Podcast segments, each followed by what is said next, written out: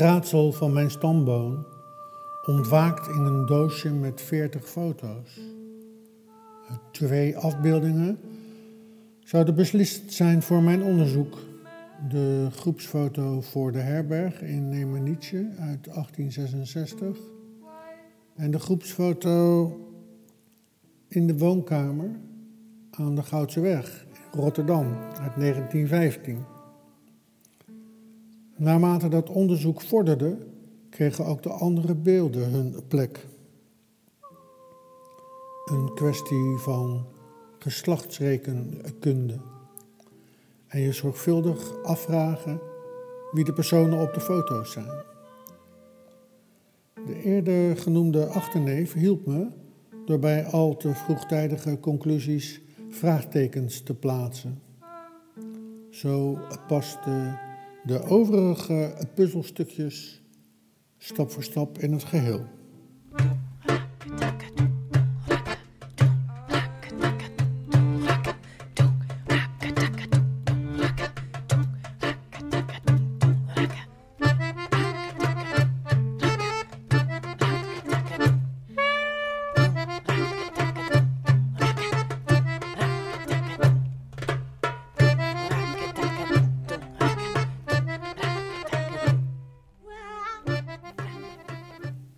Grof geschetst bestaat deze Sibbenkunde uit geduldig vragen stellen bij ieder bewijsstuk dat in je bezit is.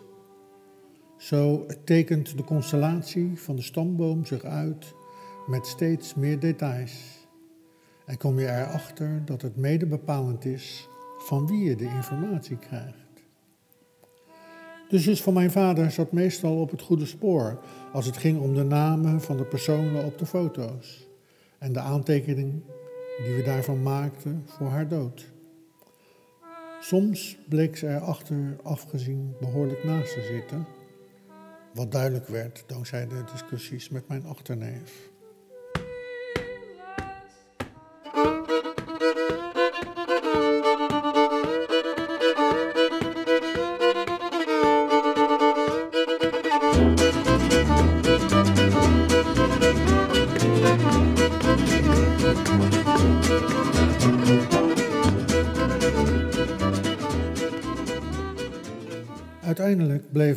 Twee familielijnen over die ik herkende uit de verhalen van mijn vader.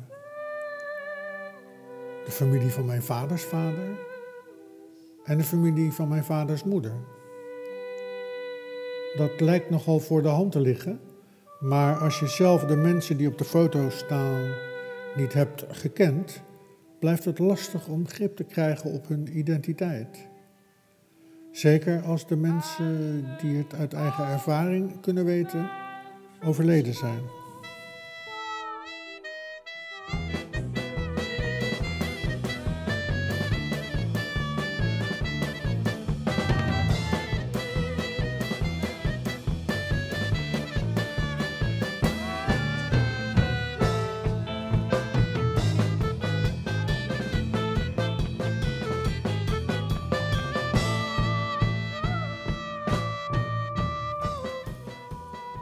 Zelfs het geheugen van de jongste broer van mijn vader, die ik van zijn tachtigste tot zijn 91ste met enige regelmaat sprak, vertoonde schommelingen.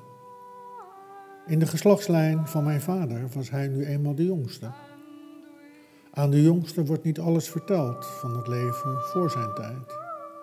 Voor zover hij op de hoogte was van bepaalde feitelijkheden, bevestigde hij die tijdens het ene gesprek, om ze bij een volgend gesprek te ontkennen. Wat dat betreft blijven de familieverhalen van mijn vader leidend. Als middelste zoon begreep hij een stuk beter hoe de vork in de steel zat. Vaak bevestigd door de officiële documenten uit gemeentearchieven in binnen- en buitenland en het Nationaal Archief in Den Haag. De mailwisseling met een historicus en de antwoorden op Tsjechische fora deden de ontbrekende schakels samenkomen. Plus mijn eigen aanvullende onderzoeken op internet.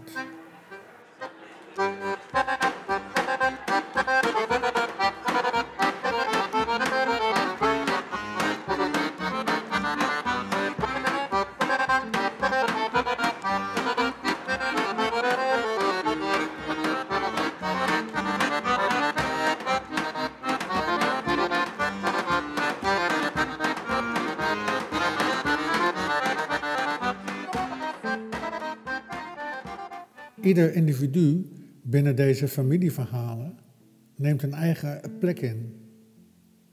De grotere stippen in dit geheel zijn de stamvaders en moeders. Daaromheen groeperen zich de kleinere stippen van zoons en dochters. Dat uitwaaierende perspectief neemt op een gegeven moment zulke vormen aan, tussen verleden, heden en toekomst, dat je een grens moet stellen. Je wilt niet alles weten, omdat dit niets toevoegt. Het lijkt meer van hetzelfde. Natuurlijk doe je daarmee de volgende generaties en de veel oudere stamgenoten onrecht aan. Voor zover de eerste groep daar belang bij instelt, is dat niet meer mijn taak. Voor mij gaat het nu alleen nog om de essentie, gezien in het licht van mijn persoonlijke interpretaties.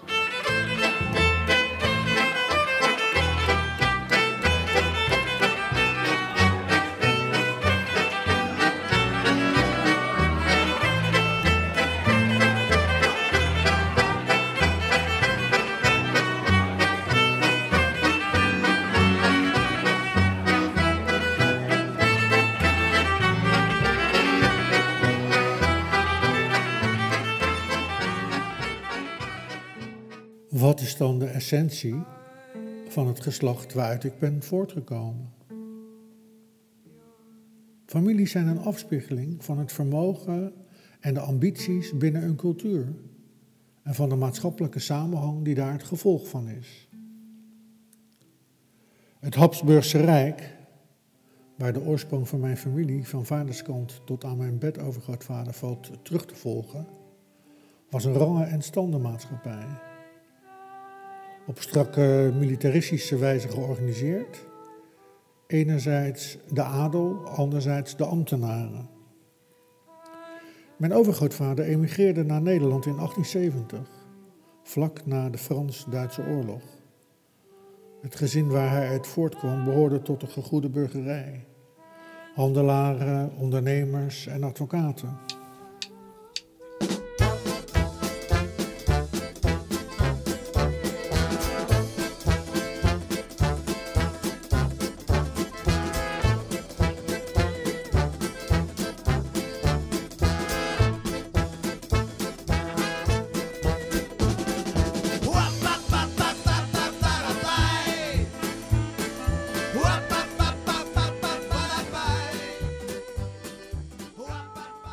Ook al kom je op historische websites veel beelden van massale armoede tegen, van de plaats waar mijn overgrootvader vandaan komt, kun je evenveel bewijzen vinden van het tegenovergestelde. Personen die op de foto staan met luxe auto's of op een terras zitten aan een meer in het woud van Sumava. In die tijd al een toeristische trekpleister voor de welgestelde uit Wenen, Budapest en Praag. Het goede leven. Zeker geen onontwikkeld gebied. De industrialisatie en moderne technologie waren in stijgende lijn aanwezig.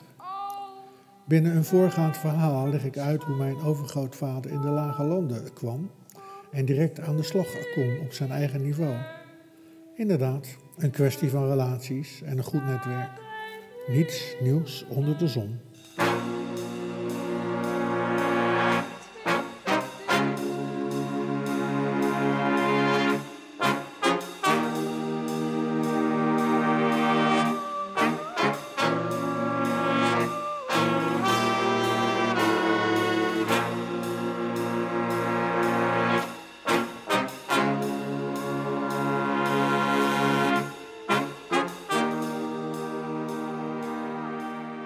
Voor de zonen en dochters van mijn overgrootvader geen gemakkelijke opgave om de liefde en erkenning van hun vader te winnen. Maatschappelijk succes of prestige op religieus gebied waren de ingrediënten. Slechts twee nazaten zorgden voor nageslacht: mijn grootvader en zijn oudste zus. De oudste zoon was technisch ingenieur en ondersteunde de inrichting van de fabriek van mijn overgrootvader. Een jongere zoon van mijn overgrootvader was priester en aalmoezenier. Bij zijn overlijden kreeg hij een militaire begrafenis in België. Vanwege het feit dat hij de stad Diest, rondom het klooster waar hij verbleef, behoed had voor een bombardement door het Duitse leger in de Eerste Wereldoorlog. En zodoende drager van de kroonorde was. De jongste zoon wist zich op te werken tot rijksklerk bij de Raad van de Arbeid. De overige dochters waren ongehuld of kloosterling. De rooms-katholieke religie speelde een belangrijke rol in het gezin. Vanzelfsprekend ook bij de nazaten.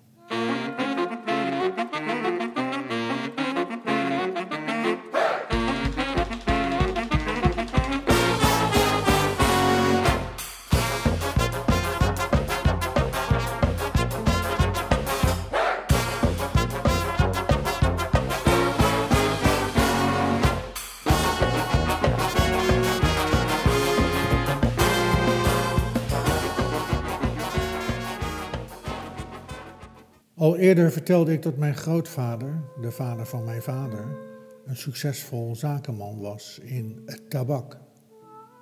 Hoewel sommige van zijn zoons en dochters enige tijd hebben meegewerkt in het bedrijf, heeft geen enkele van hen gekozen voor de handel. Ze werden ambtenaar, banketbakker, marconist, reclameschilder, bestuurder, apotheker en administrateur. De rol van de afwezige vader kan bij deze keuzes niet worden onderschat. Je kunt de vaardigheden van het handeldrijven alleen leren als een kenner jou de kneepjes van het vak leert.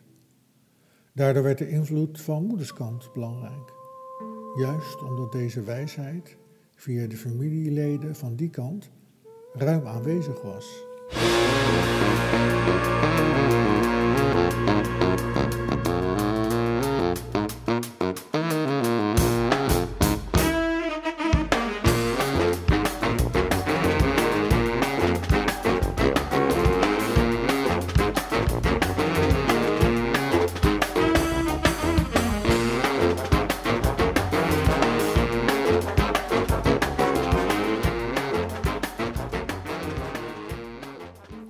Belangrijkste levensgevoel dat je daarin kunt herkennen is het verlangen naar vrijheid. Overgrootvader van moederskant was een kunstenaar die als schilder was opgeleid in Parijs. Vader van twee dochters en twee zoons. Er zijn geen voorbeelden van zijn werk overgebleven, maar het feit dat mijn vader en zijn oudste broer al op jonge leeftijd uitzonderlijk goed konden tekenen, wijst op die invloed. Deze overgrootvader was flexibel genoeg om deel uit te maken van het bakkersbedrijf van de familie van zijn vrouw na zijn huwelijk. Wat hem niet weerhield van het maken van decoraties en muurschilderingen in en om de winkel en in de gangen van de woningen, te houten en te marmeren.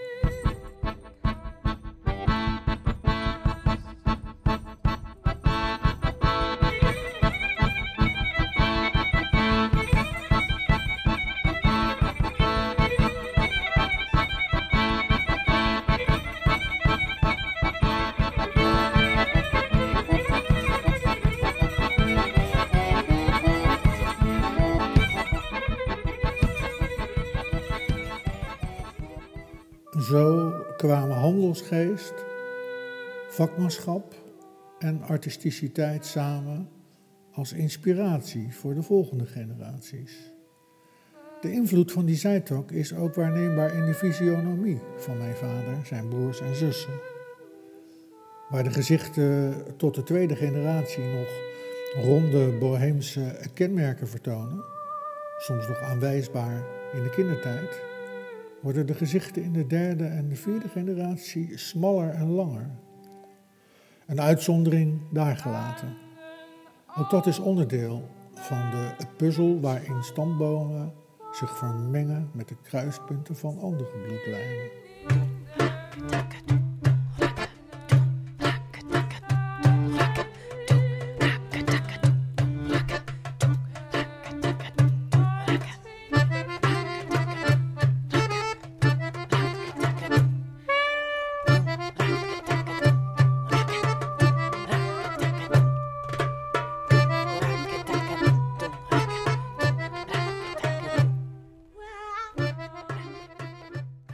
Ons geheugen mag dan beperkt zijn.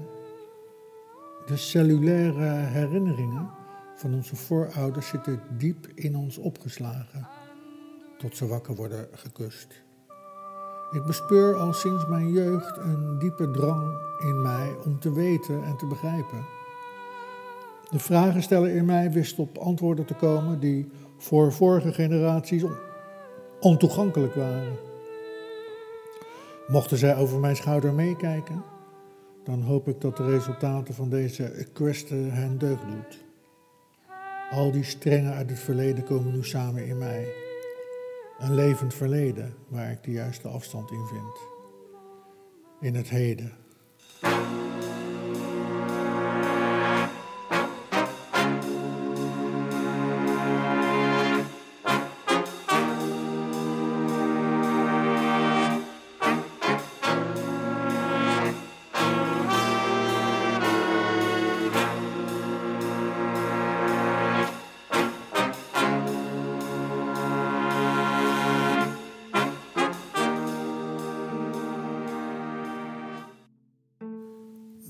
Is de podcast Boheemse draken in een leven aan zee.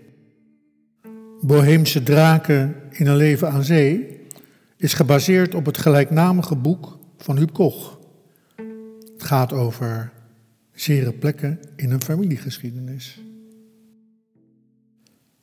Meer informatie kun je vinden op delichtendekamer.nl